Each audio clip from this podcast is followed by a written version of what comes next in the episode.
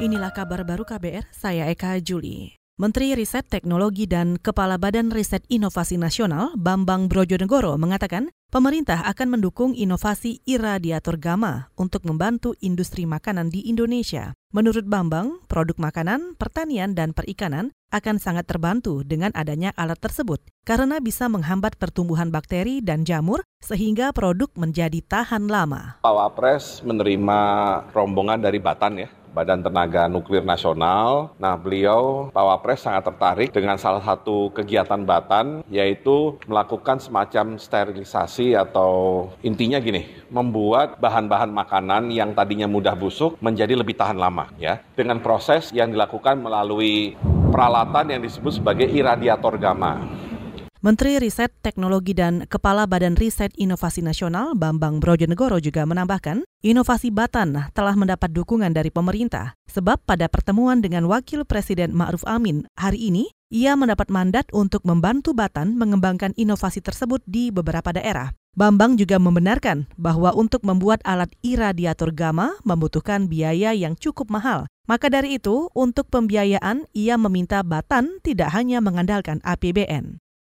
Kita ke bursa saham. Indeks harga saham gabungan atau IHSG terpantau melemah 0,47 persen pada akhir perdagangan sesi satu hari ini. Selengkapnya disampaikan reporter KBR Astri Yuwanasari dari Gedung Bursa Efek Indonesia. Saudara indeks harga saham gabungan IHSG terpantau melemah 0,47 persen atau 29,80 poin ke level 6.261,86 pada akhir perdagangan sesi satu hari ini, Senin 20 Januari 2020. Sepanjang perdagangan IHSG bergerak pada kisaran 6.257,88 sampai 6.312,99. Pergerakan IHSG dalam perdagangan hari ini diproyeksikan akan melanjutkan pekan penguatan. Sementara itu nilai tukar rupiah di pasar spot terpantau menguat 2 poin atau 0,01 persen ke level 13.643 rupiah per dolar Amerika Serikat. Sementara itu, indeks dolar Amerika Serikat yang melacak pergerakan greenback terhadap mata uang utama lainnya terpantau menguat 0,011 poin atau 0,01 persen ke level 97,617. Dari Bursa Efek Indonesia, Astri Yuwanasari, KBR.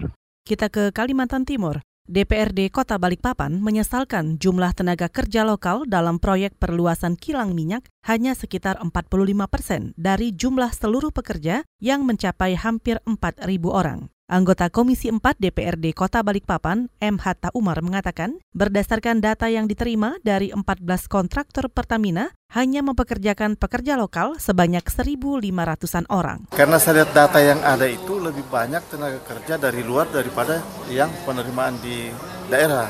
Nah yang saya pertanyakan apakah tenaga kerja itu mereka bawa dari luar, dari daerahnya atau eh, dari mana? Karena yang saya minta itu harus lebih banyak tenaga kerja yang diterima di daerah dibanding yang dari luar. Itu tadi anggota Komisi 4 DPRD Kota Balikpapan, M. Hatta Umar. Tahun ini rencananya bakal ada perekrutan belasan ribu tenaga kerja. DPRD Kota Balikpapan dan Dinas Tenaga Kerja setempat menyatakan akan melakukan pengawasan untuk memastikan jumlah pekerja lokal lebih banyak direkrut ketimbang pekerja dari luar.